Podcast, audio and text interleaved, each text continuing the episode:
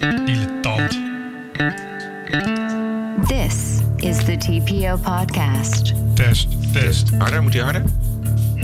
Ja, take 2. Bert Bresson, Roderick Phalo. Ranting and Reason. Het is maandagavond, 12 juni. En de formatie van VVD, CDA, D66 kabinet is definitief gestrand. En Ja, zonder GroenLinks. Geen GroenLinks. Yay! Het is bovendien de avond dat eh, in de Prinses Sheffield de documentaire Wilders in première I gaat. was very open. We spoke almost about everything. You said every day and every interview 500 times, uh, this is the last question. Goh, wat kan die goed Engels, hè? Ja, ja, ja. En eh, voor meer in Groot-Brittannië, dat gaat op, eh, op zijn on-Nederlands eh, snel. Dat is eh, knipperen met je ogen en er is een nieuwe coalitie. Dus we kijken eventjes hoe de vlag erbij hangt in Groot-Brittannië. En wat de media gemist hebben aan het verhoor van ex-FBI-baas Comey. Dit is aflevering nummer 19. Hartelijk welkom. This is the TPO podcast. Zometeen eh, meer over de documentaire eh, over Geert Wilders, de Engelse documentaire. Maar eerst even de formatie, want het nieuws eh, is heet van de naald vanavond, op maandagavond. Dat Behoorlijk. het kabinet, althans de formatie, geknald is. Het gaat nu echt niet meer lukken tussen VVD, CDA, D66 en GroenLinks. Godzijdank, van een opluchting, En hè? wie is daar dan de schuldige aan, denk jij Bert? Oef, ik denk gewoon die, dat oude lijk zelf, die Herman eh Cenk Willink. Ja. Denk ik, weet je, die, die eh, hebben ze binnengehaald van dit is eh, de man van staat die eh, uit zijn cryo-freeze is ontdooid. En die heeft in 1800 nog een republiek gevestigd, dus die kan nu ook wel even de dingen smeden. En oh, lo en behold, hij kan het ook niet. Nou, dat was nauwelijks tijdverspilling. Maar wie de schuldig is, ja, dat weet ik niet. Dat zal, wel, dat zal toch wel weer, ja, wie was vorige keer eigenlijk de schuldige? Dat werd ook niet gezegd, hè? Nee, dat volgens mij, weten we volgens niet. mij is er helemaal geen sprake van een schuldige. Het kan gewoon niet. VVD, CDA wil gewoon niet met GroenLinks. Nee. Al, al staat Pechtold nog zo te, te stampen en te, te rammen op de tafel dat het moet. Maar Nou, het gaat dat- gewoon niet lukken. Dat krijg je dus met messiassen die heel veel hoop hebben. eh, en eh, voor die hoop kennelijk niets willen onderbouwen. Maar of je dat maar even dan wil doorvoeren, dan zien we wel. En ja, dan krijg je natuurlijk technocraten en eh, zelfs christelijke technocraten. Het CDA, dat is toch... eh, ja, weet je, laten we niet vergeten dat Nederland eigenlijk altijd onder de knoet van het CDA heeft Ja, geleefd. heel lang wel, behalve ja. in de jaren negentig. Nou ja, precies. En toen ging het hartstikke goed in de jaren negentig. Het geld eh, klotste overal tegen de plinten op. Eh, maar ik bedoel, dat zijn toch hele strikte, strenge mensen. Nou, volgens mij als je daarmee moet gaan onderhandelen, dan ja, kun je het wel een beetje vergeten. Ja. Het, het, het nieuws is zo vers dat er nog geen quote zijn van eh, een van de vier eh, Nee, ik zag net ook alleen een eh, persalarmpje. Ja, en, eh, maar het aardige is wel van Twitter dat je meteen ziet wat er nog meer aan mogelijkheden over is. En dan komt toch maar weer dat TPO-voorstel van het Minderheid, minderheidskabinet. minderheid, minderheid, minderheid, minderheid. Wouke van Scheerburgs is voor. Oh, kijk, we hebben Wouke aan boord. Nu gaat het hard, mensen. Nu gaat het hard. Wouke is toch... Ah, Wouke is een held. Als je gewoon ooit van Pim Fortuyn gehoord hebt gekregen... mens ga koken... Ben je altijd, van, ben je altijd fan van, van Wouke? Dan kun je, eigenlijk kan je gewoon een Wouke kun je gewoon vragen om nu de informatie te, gewoon te gaan leiden. Ja. Dus die heeft het allemaal gewoon meegemaakt. We gaan Wouke ook een keer eh, bellen Hmm. in, de, in de show. Ja, dat is goed. Wouke is wel... Het is wel jammer dat ze geen stijladverteerdersbeller is geworden. Maar Ja. verder is Wouke oké. Maar ja, Maar hebben we tenminste wat te vragen? ja, ja. Nou ja, Wouke had toen ook een eh, spotje van de, van de ING.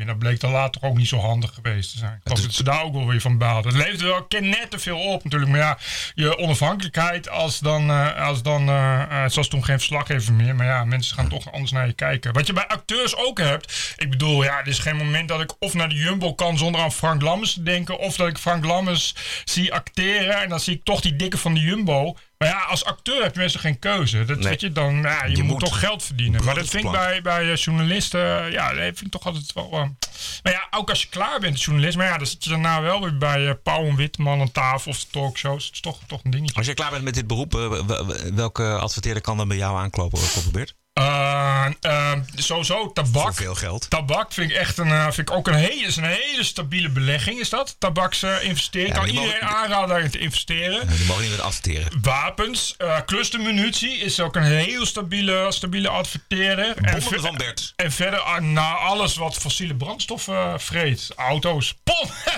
Pon! Dat, daar, schijnen, daar kun je hele leuke etentjes mee winnen ook. Gewoon als je een beetje overlegt en dan op de juiste, juiste plek terechtkomt. Dan kun je gewoon een hele hoop eh, voor elkaar krijgen. Maar niet dus je- iedereen welkom. Maar dat is ook nu al hoor, niet na mijn werk. Gewoon nu al. Ja, ik kan nee. ook voor genoeg geld wil ik wel gewoon een naam op mijn voorhoofd tatoeëren. Ik ben helemaal te koop. Van top tot teen. Bij deze. TPO Podcast.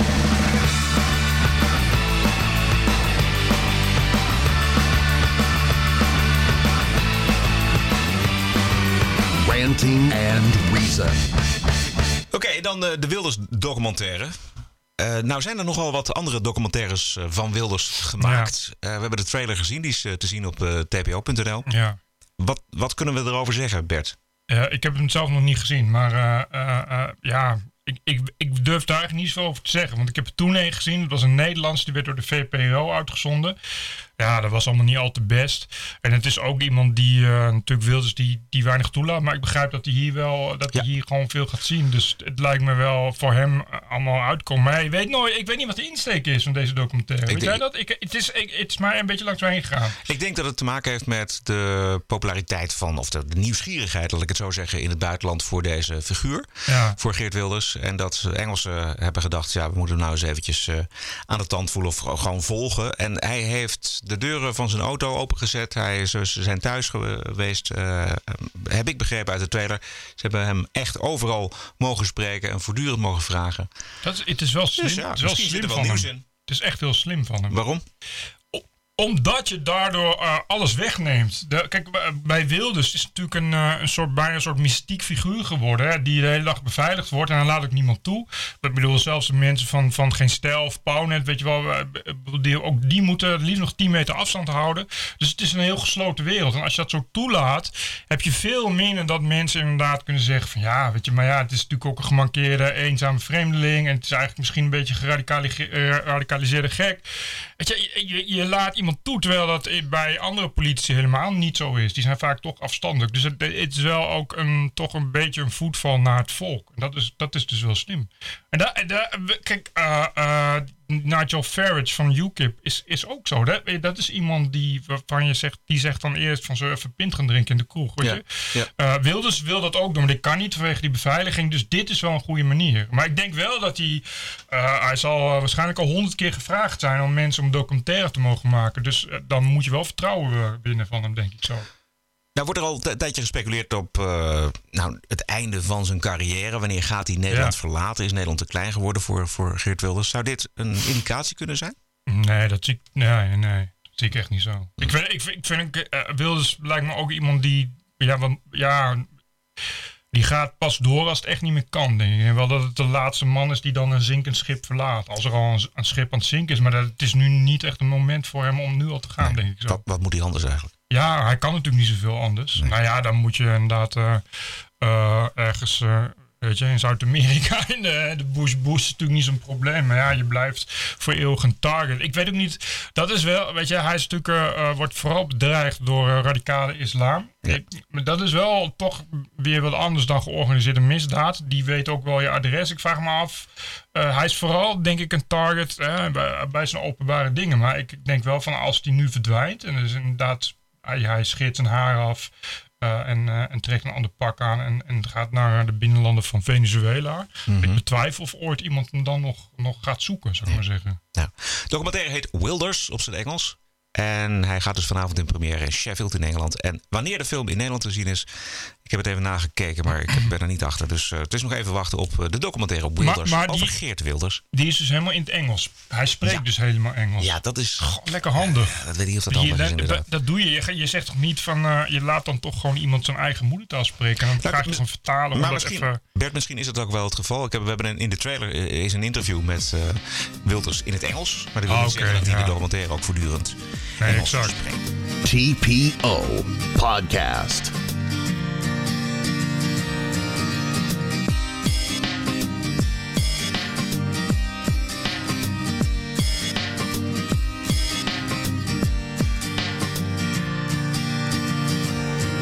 Waar zijn we? Oh ja. Ja, had je nog wat? Ja!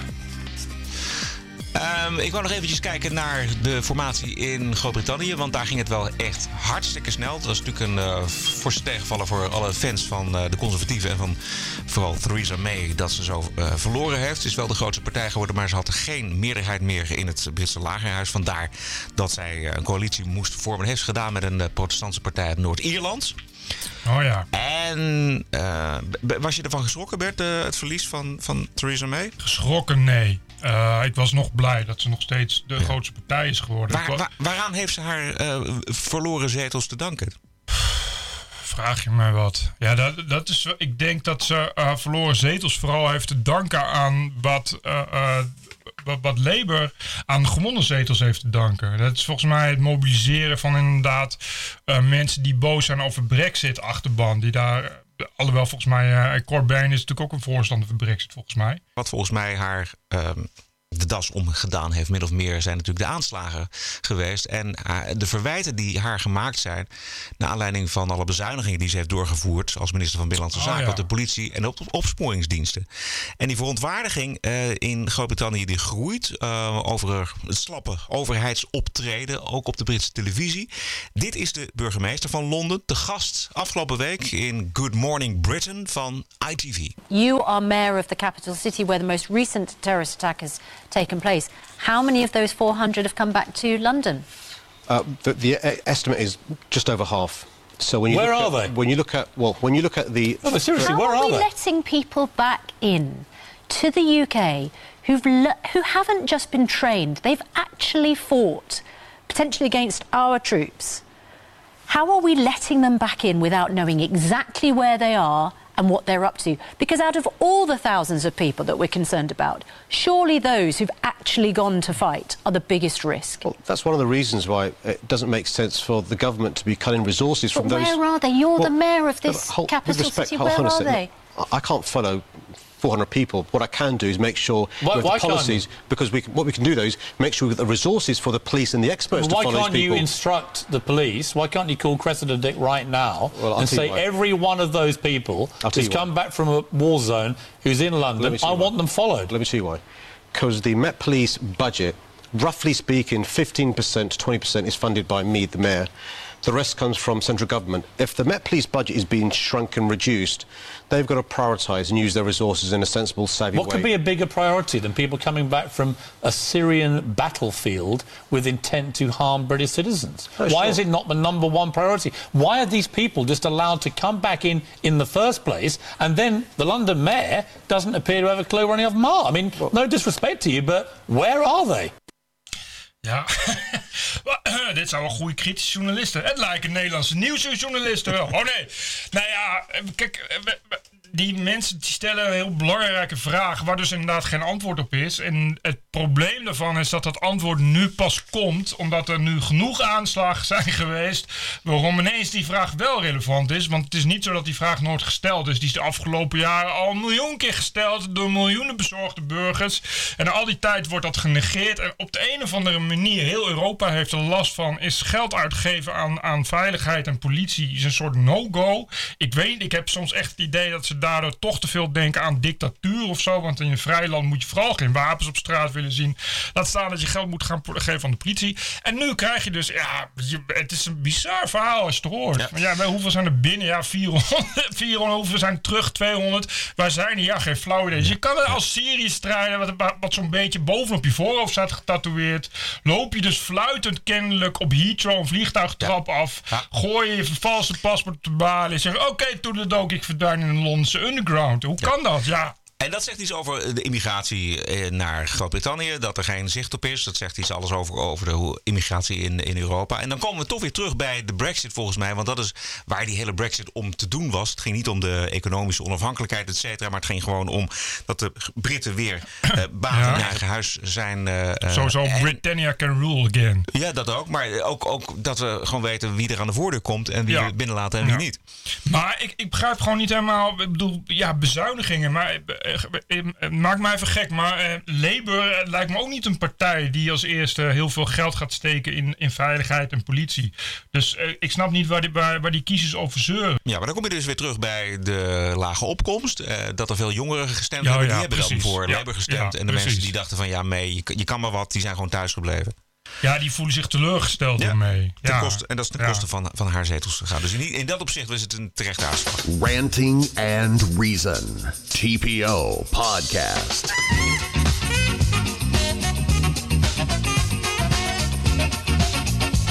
Zag je dat?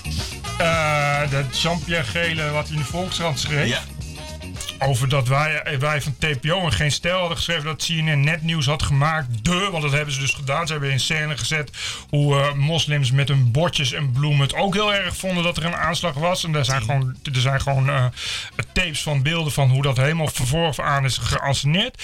En die JP Gele zegt: nee, jullie hebben dat niet goed uitgezocht. Die gast heeft dat zelf niet goed uitgezocht. Bovendien, hij moet gewoon weer televisiecolumns van schrijven. Het zijn ook weer van die laffe linkse eh, uit een dozijn courantencolumns van een of andere die gaat vertellen. En de dag daarna kwam, kwam geen stijl met een nieuw filmpje waarin je nog meer ziet, waarin nog duidelijker werd hoe het in zat. Er waren dus gewoon mensen die hadden die bloemen in plastic zakken en die straat was leeg, die was afgezet door de politie. Nou, je ziet daar al die camera's komen en dan, nou ja, er is van tevoren was er afgesproken met een groepje. Het is ook, het ook moslims zijn allemaal van dezelfde groep, allemaal van dezelfde moskee. Die had gezegd, nou wij willen dit gaan doen. Dus al die camera's hop, oh nee, dat doe maar, dat doe dat maar hier.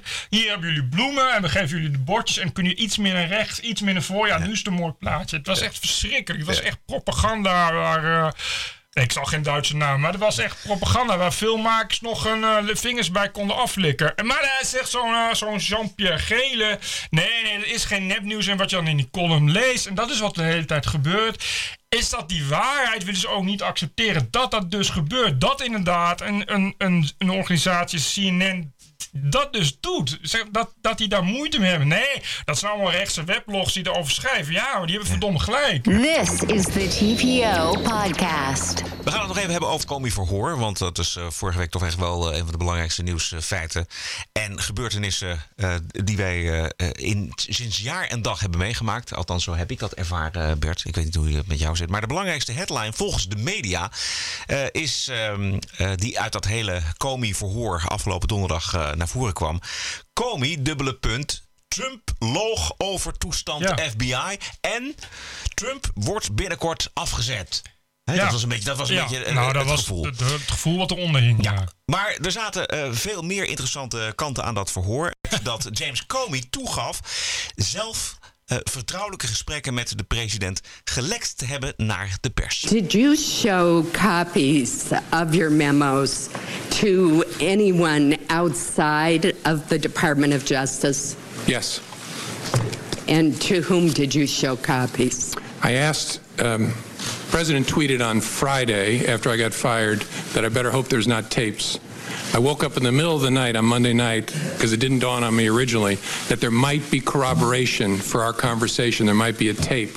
And my judgment was I needed to get that out into the public square. And so I asked a friend of mine to share the content of the memo with a reporter. Didn't do it myself for a variety of reasons, but I asked him to because I thought that might prompt the appointment of a special counsel. And so I asked a close friend of mine to do it. Veel artikelen verschenen over het samenspannen van het Trump-verkiezingsteam met Russische officials. New York Times die, eh, is met eh, dat verhaal begonnen. En dit is eh, wat er over dat verhaal tijdens dat verhoor van Comey werd gezegd. So again, so the American people can understand this, that report by the New York Times was not true. Is that a fair statement? In the main, it was not true. And again, all of you know this, maybe the American people don't. The challenge, and I'm not picking on reporters about writing stories about classified information, is the people talking about it often don't really know what's going on. And those of us who actually know what's going on are not talking about it. And we don't call the press to say, hey, you got that thing wrong about this sensitive topic. We just have to leave it there. I mentioned to the chairman the nonsense around what influenced me to make the July 5th statement. Yeah. Nonsense, but I can't go explaining how it's nonsense. Thank you. Ja, de July 5th statement was uh, Comey's persconferentie over de Clinton-e-mails en alle nonsens Ja, die daarover geschreven is in de woorden van, van Comey. Bronnen met vertrouwelijke informatie, maar zonder de feiten. Have there been news accounts about the Russia investigation, about collusion, uh, about this whole event uh, or accusations that, as you read the story, you were stunned about how wrong they got the facts? Yes, there have been many, many stories purportedly based on classified information about, well, about lots of stuff, but especially about Russia that are just dead wrong. Ja, ik, hij heeft natuurlijk gelijk. Eh, je, kan, je kan, als je dan s ochtends de, de New York Times openslaat en ziet het verhaal, je kan dus inderdaad niet bellen van jullie hebben het fout, want hier heb je, hier heb je de echte feiten. Die zijn classified. De- de- Ik, ik ga er eh, de- deze week een column over schrijven. Want dit is natuurlijk, hier gaat het, er zijn zoveel verhalen eh, gelekt. Eh, Ja. en, en Trump heeft steeds gezegd, ja, dat, die, die verhalen zijn wel gelekt, maar jullie weten helemaal niet of dat klopt, Ja, beste ja, reporters. Die reporters hebben dat allemaal opgeschreven. Die reporters die waren al anti-Trump, dus die, die, die, hè, die vinden dat Exact. viel in goede aarde. Eh, en wat journalisten natuurlijk eh, moeten doen, is hun bronnen checken. Nou, als je zo graag een negatief verhaal over Trump wil vertellen. en je hebt bon- bronnen te- ter beschikking die dat negatieve verhaal onderschrijven. dan, dan ben je dus als journalist heel erg snel geneigd om te zeggen: Nou ja, die bronnen, oké, ik, Ja. ik accepteer Ja. ze. En dus is de vraag hier, ook bij deze verhoren, van hebben journalisten van de New York Times, van CNN, van de Washington Post hun werk wel goed gedaan? Nou, ik denk van niet. Dit is duidelijk geen, eh, geen deep throat. Met, eh, weet je, de Watergate-schandaal was een voorbeeld van hoe het wel moet. Namelijk dat je heel lang wacht en dat je alles voor elkaar hebt. En dan eigenlijk nog opgelucht bent. Hè, dat je, weet je, die, die, die Woodward en Bernstein, eh, die hebben later wel eens in een interview gezien. Die zeiden dan ook van ja, dat het op de pagina stond, betekent nog niet dat we opgelucht waren. Daar ben je er pas tien jaar later.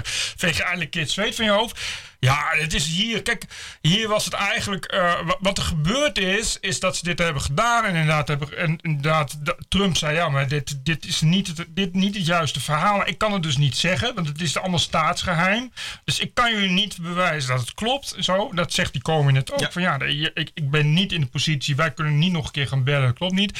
Wat er toen is gebeurd, is dat die journalisten hebben gezegd: ja, nee, maar is Trump. Weet je, die, eh dat is allemaal. Trump maakt zelf nepnieuws. En een schande. Schande dat de mensen niet meer in de media geloven. Schande dat die Trump het allemaal nepfeiten noemen. Zo ja, je, da- nu komt daar toch wel een beetje als een boemerang terug. En het is een beetje de vraag wat Comey eh, en Trump hier nog mee, mee kunnen. Want als ze dit kunnen bewijzen dat het allemaal niet klopte, dan kon het toch wel eens heel pijnlijk gaan worden voor, voor, voor met name Washington Post en New York Times Ja, natuurlijk. Ja, CNN heeft al ehm, voor de- dat Comey eh, in zijn, aan zijn verhoor begon, eh, al een eh, stuk gerectificeerd.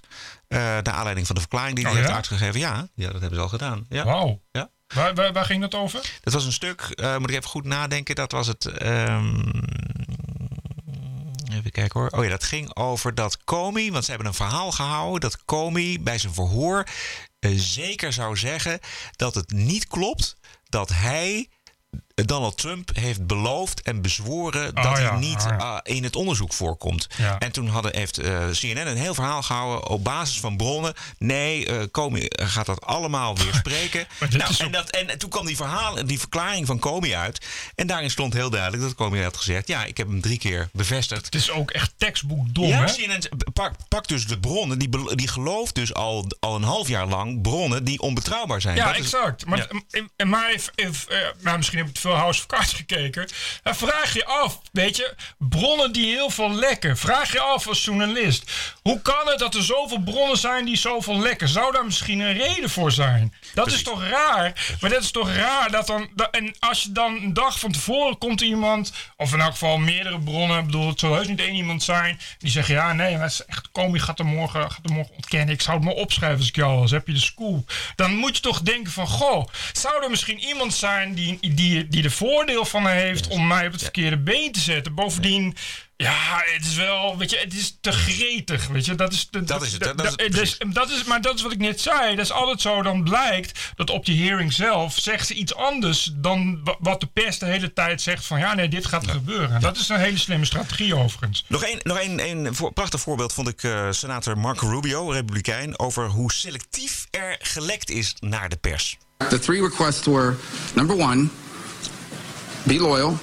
Number two, um, let the Mike Flynn thing go. He's a good guy. He's been treated unfairly. And number three, can you please tell the American people what these leaders in Congress already know, what you already know, what you've told me three times, that I'm not under pers- personally under investigation? Those are the three things he asked. Yes, sir. You know, this investigation is full of leaks left and right. I mean, we've learned more from the newspapers sometimes than we do from our open hearings, for sure. Um, You ever wonder why, of all the things in this investigation, the only thing that's never been leaked is the fact that the president was not personally under investigation, despite the fact that both Democrats and Republicans and the leadership of Congress knew that and have known that for weeks? I don't know. Er wordt gelekt om de president te beschadigen. Punt. Ja, exact. En de pers gaat er gretig in mee, want het is een president die zich graag beschadigd willen. Maar- En nou ja, het is veel erger. Het is, het is veel erger. Het grijpt dieper. Eh, het is emotie eh, die het van de ratio heeft overgenomen. Dat is, dat is het probleem. Dat, dat is, zag je dus ook met dat fragment van CNN wat ik net besprak. Wat die, die, die Kate Hugh heette, die ging er ook emotioneel een verhaal bij houden.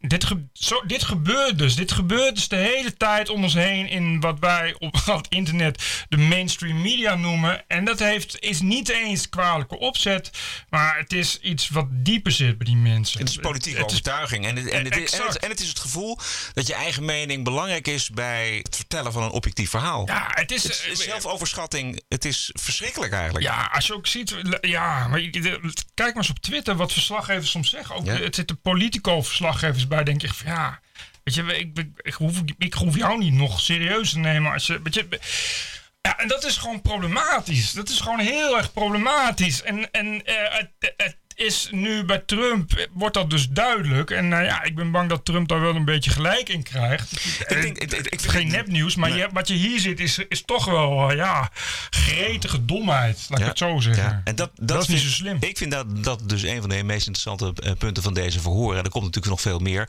Dat er door die verhoren naar du- duidelijk wordt en de werkelijkheid naar boven komt. De waarheid over al die verhalen over eh, connecties tussen het eh, Trump-campagneteam en eh, Ru- Russische Nou, officials. ik hoop het. En ik hoop ook wel echt dat er inderdaad naar buiten komt hoe fout die media daarin waren. Hoe, hoe dus ontzettend die bespeeld zijn. Inderdaad, hoe die, hoe die bronnen een, gewoon een, een reden hadden om zoveel te lekken. Namelijk Trump beschadigen. Of, of daar zal ook eh, persoonlijke carrière opportunities en weet ik veel wat bij zitten. Maar, en dat je kunt laten zien hoe dat dus mis aan het gaan is in die media. Want het is dus gewoon al heel lang gaande. Het is iets wat, wat eh, heel breed om zich heen grijpt. Wat er heel lang gaande is. En ik heb even een moment gehad eh, eh, toen Trump won. Dat die media...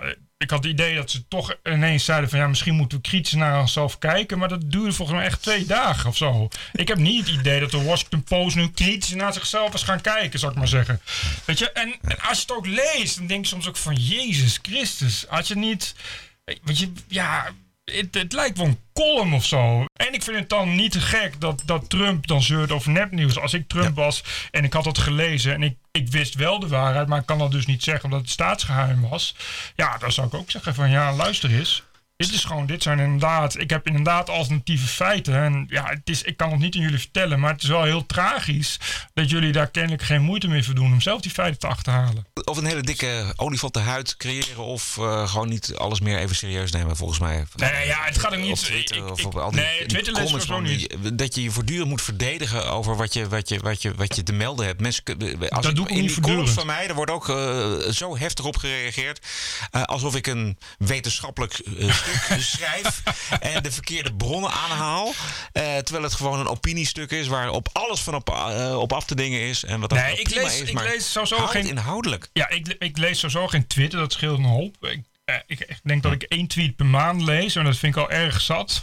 Als je dat al leest, denk je, Jezus Christus, je zal inderdaad, maar dan denk ik van ja, je zal inderdaad echt een, eh, een BN'er zijn of weet ik veel wat. Of Wierduk. Ja, ja, ja, maar goed. Wierduk die vraagt er ook zelf voor. Wierduk zijn we nu eigenlijk al met z'n zes, eh, inmiddels 16 een jaar lang bezig om aan Wierduk te vertellen dat hij toch eens moet gaan ophouden met Twitter. Want het is natuurlijk een ding van actie en reactie. Dus dat is een beetje die vraag. Maar als, eh, als ik lees wat die eh, Erik van Muiswinkel, die tikt dan gewoon eh, per dag 120.000 tweets. En dat waarvan de 120.000 allemaal gericht zijn tegen alles wat rechtser is dan Erik van Muiswinkel. Dan denk ik van Jezus Christus, je zal eh, elke dag eh, die gas op je dak hebben. Dan word je inderdaad wel strontziek van. Dus ik begrijp wel. Maar ik, ik vind wel, ik, ik had van de week. Ja, dat, dat artikel 1, dat heet nu geen artikel 1 meer, maar dat mag niet van de rechter. Die inclusieve gezelligheidsvereniging van Savannah Simons, die hadden, en want ik had een artikel gemaakt en dat stond in het Eindhovens Dagblad, dat de verdachte van de moord, op, even goed zeggen, de verdachte van de moord op Savannah, dus niet Romy, maar de verdachte van de moord op Savannah, die komt uit Den Bosch. En ah, Eindhovens Dagblad had heel casual opgeschreven allemaal feiten, dat hij dat die gek was op treinenspot en daar filmpjes van plaatst dat hij in de bos kwam. En uit een wijk in Den Bosch, en dat, die werd eh, volgens het Eindhovens Dagblad de meest multiculturele wijk van Den Bosch genoemd. Ik vond dat relevant, omdat dat een vraag is die mensen stellen. Die ze, de eerste vraag, in elk geval mijn leesdoelgroep, de eerste vraag die ze stellen is een allochtoon. Ik kan daar ook niks aan doen. Dat zijn de waarheden zoals de samenleving momenteel in elkaar zitten. Dus ik vind het relevant om te melden. Bovendien Nee, maar wacht even. Je, je had geen bevestiging of het een allochtoon was, ja of Nee, nee? ik heb ook niet gezegd dat het een allochtoon was. Hè? Nee, ik, dat, dat is, maar, maar mensen willen er dus zoveel mogelijk van weten. Maar dan laat je toch in het midden als je zegt van het, het, het was iemand uit een, uit een van de meest multiculturele Sterker wijken. nog, ik heb het heel keurig verder heel, heel sterk opgeschreven. Want ik schreef alleen op van volgens, volgens de site van die wijk is dat een van de meest multiculturele wijken. En ik heb, waar, het om, waar het me ook om ging, en dat stond er ook verder duidelijk in, was niet dat het multicultureel was, maar wel dat het dus een eh, eh, wijk was waar mensen heel weinig verdienen, waar veel problemen en criminaliteit zijn. Dat vond ik het belang, niet per se dat het multicultureel Maar goed, maar ik had had je ook een achterstandswijk kunnen zeggen. ja, daar had ik ook, dat stond overigens in de tekst. Maar ik had dus als kop had ik gemaakt, dat het is gewoon een goede kop, vind ik. Afkomstig uit de multiculturele wijk. Als onderkop hield veel van treinen spotten. Eh, dat hadden die lui van eh, eh, die gezelligheidsvereniging van Savannah Simons hadden dat opgevat als racisme. Want die vatten alles op als racisme als het door een blank is geschreven. En, nou, die hadden daar een screenshot van gemaakt en dat zo getwitterd van en iets in de, iets in de tekst in de trant van, van het lukte niet om het lukte niet om er allochtoon van te maken, dus doe maar dit. Maar toen kreeg dus een lading aan, aan boze, eh, boze blanken vooral. Dat is altijd zo. Dat mensen die het meest over opwinden, die zijn zelf geen allochtoon. En die noem je dan racist en die zeggen ja, is niet van belang. En die, maar die zeggen dus dat mag je niet opschrijven. En denk ik of ja, hoe kom je daar nou toch bij? Dat ik dat niet mag opschrijven. Je bepaalt niet voor mij wat ik mag opschrijven ten eerste. En ten tweede, de mensen die mijn medium lezen, die willen dat wel weten. Die zijn heel blij ook dat ik dat, ik dat erop zet. Die zeggen allemaal, ja, eindelijk, dat is de reden waarom ik hier kom. Dat ik weet dat daar dan in de kop staat. Want die vraag is het. En verder is het, is gewoon, het is gewoon een feit. Dus ik zie niet in waarom ik... En die mensen zeggen, nee, als je dat opschrijft, dan help je mee aan polarisering. En dan maak je, help je mee aan discriminatie. Ja, ik ga toch niet dan maar feiten niet opschrijven, omdat misschien iemand anders met die feiten iets gaat doen. Ja, ik vind dat gewoon echt onzin. Maar dat is wel eh, hoe het debat wordt gevoerd. Dus momenteel. TPO Podcast. Oké, nog andere zaken die eh, ter tafel komen die het eh, bespreken eh, waard zijn. Ik, ik ben zelf eh, de afgelopen week in, het oeuvre van eh Freek de Jonge gedoken. En in het oeuvre gelopen? Ja, hij heeft ehm, vorig jaar een theatertour, eh, of eigenlijk een voorstelling gegeven. En daarin gaat hij eh, helemaal zijn hele leven langs. En dat doet hij hartstikke goed. En dat is hard, heel erg leuk om te zien. En er kijken heel weinig mensen naar. ik zat op een gegeven moment op een aflevering eh, te kijken waar nog maar drie mensen naar hadden gekeken. Eh, Het- het staat online het, of zo? Het staat online en je kan het, je kan het dus gewoon gratis bekijken. Eh, en de voorstellingen duren twee uur. En hij heeft ook eh, interessante gasten. Hij heeft een heel openhartig gesprek gevoerd met zijn vrouw bijvoorbeeld. Ja. En hij heeft hele leuke fragmenten, interessante fragmenten. En toen dacht ik van nou, laat ik, er, laat ik, alva- laat ik gewoon achter de hand houden voor de TPO-podcast een eh, fragmentje. Vind je het goed om wat te horen? Nou, natuurlijk. Ik ben gek op Freek de Jonge. Hè? Het, het, het is een onschuldig fragment, want het laat horen hoe Freek de Jonge toch eigenlijk hartstikke goed André van Duin grappen kan maken. Rita Verdonk wil daarna eh, maken dat ze weggaan en in de tram stappen... maar ze heeft een iets te strak eh, kokerrokje aan. Dus ze haalt die train niet. En, maar er zit wel een rits eh, achter in haar rok... die ze een heel klein beetje omhoog doet. En ze probeert nog, lukt weer niet. En, en nog een tweede keer de rit en, en lukt weer niet. En nog een keer de derde keer. En dan wordt een Amsterdammer achter haar ongeduldig... en roept doorlopen... Nou, zij draait zich om en zegt, eh, rustig aan, een beetje kunnen we het netjes houden. Waarop die man zegt, moet jij zeggen, je hebt net mijn gulp drie keer opengemaakt.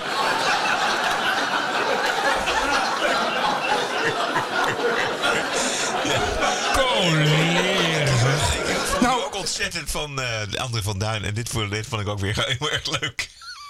Ko, echt. Is, maar is het niet, niet een metasatire dat ik iets mis? Nee, maar wij, wij, wij hebben uh, Freek de Jonge veel te intellectueel ingeschat. Nou, dat blijkt. Hij, kan, hij, hij, maakt gewoon, hij maakt gewoon per voorstelling heel veel van dit soort grappen. Maar de manier waarop hij het vertelt is, vind ik echt grandioos Dat goed. vind ik, ben ik met je eens. En ik vind ook echt, als ik hem hoor, dan is het ook het eerste wat ik denk van... je had gewoon alleen dit moeten blijven doen. Want Dat, dat, is- dat zegt dat- hij hierna. Zegt hij ook van, ik, had ik, misschien had ik alleen maar grappen moeten vertellen, weet je. soort, eh, Nou ja, nee, niet eens grappen. Als je eh, hij heeft ook wel, ook wel stukken geschreven. Ja, toen een film gemaakt, die was iets minder geslaagd. Maar het is wel een, eh, een, een, een ijzersterk verhalen vertellen. Die natuurlijk, Ach, weet je, kijk, zijn, goed, zijn theatervoorstelling, zeker de oude, was toch een, een rode draad. Die, die, die in ineens uiteindelijk in een miljoen kleine draadjes uitrafelt. Maar waarin hij weer, weer terugkomt op die rode draad. Dat is natuurlijk heel knap. Als je dat zo kan vertellen, dat mensen ook nog weten waar het over gaat.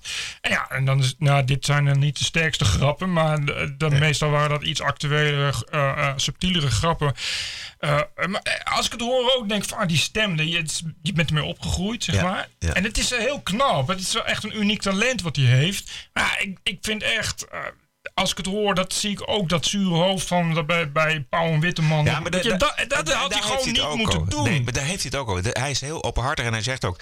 er zijn een aantal mislukte tv-optredens, had ik niet moeten doen. Nee, ja, hij had gewoon niet. niet weet je, hij, je, je moet als je theater maakt, maar dat heb ik hier al zo vaak gezegd, moet je theater maken. En niet de hele tijd. Nee, maar dan wordt, hij, dan wordt hij uitgenodigd als tafelheer bij de Wereld Draait Door. En dat gaat dan falikant mis tegenover eh eh, Dinant van, eh, van, van Kane. Ja, er zijn er nog een miljoen. Maar En nog een aantal. En, en, en- maar daar is hij ook heel erg duidelijk over tijdens die voorstelling. Hij zegt van, nou, dat had ik gewoon niet moeten doen. En, en zijn oprechtheid en zijn, zijn eerlijkheid... en ook de, eh, de gesprekken die hij met zijn vrouw op het toneel voert... die zijn echt...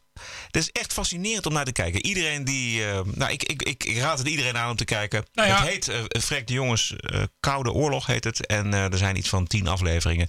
En je ziet het hele... Ja, hij gaat dus een hele eigen leven heen. En Nee, hij, hij is ook hij wel- spaart zichzelf niet. Dat vind exact. ik echt... dat weet ik. Dat ik hij heeft toen.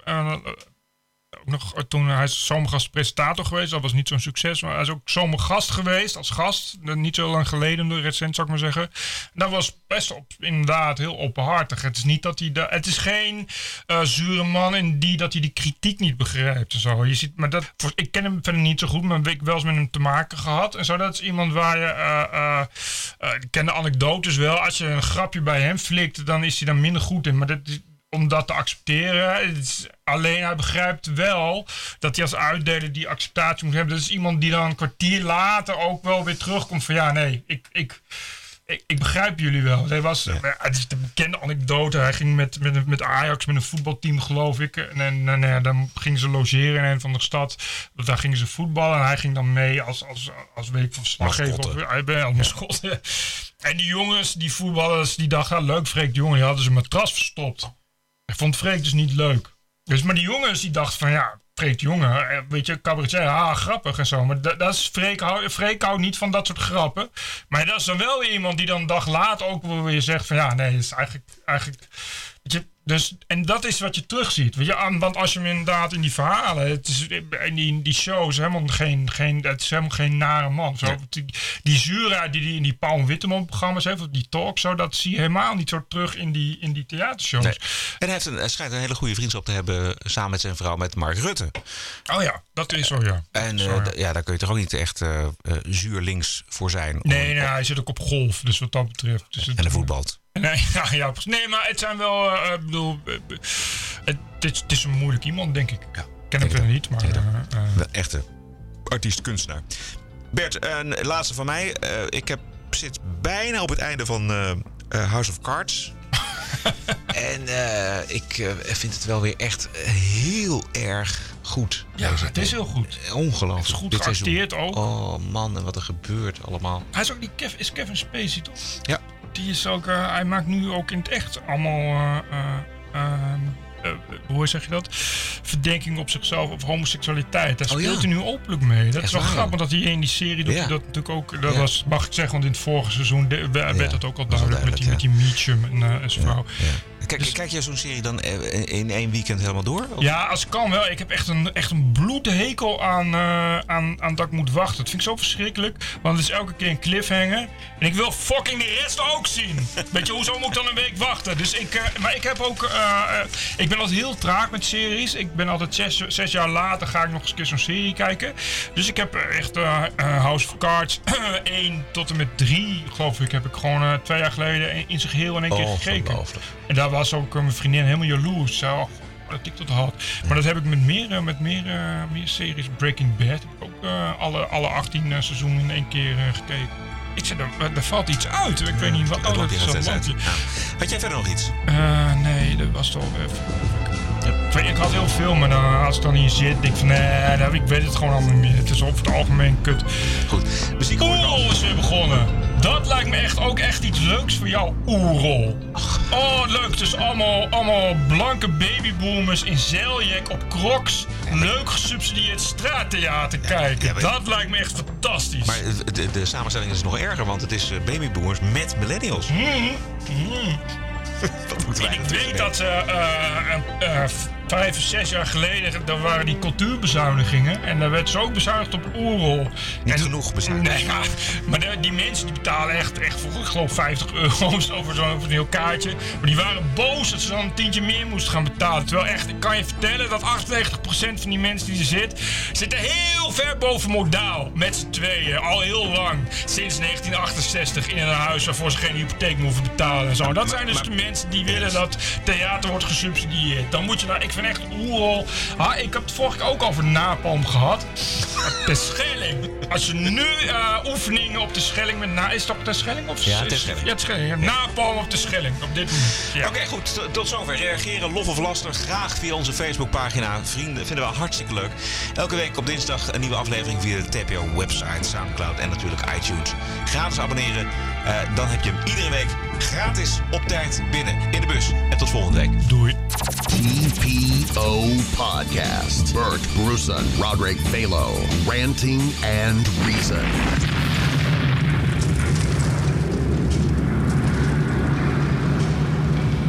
Please spare me your progressive PR bullshit.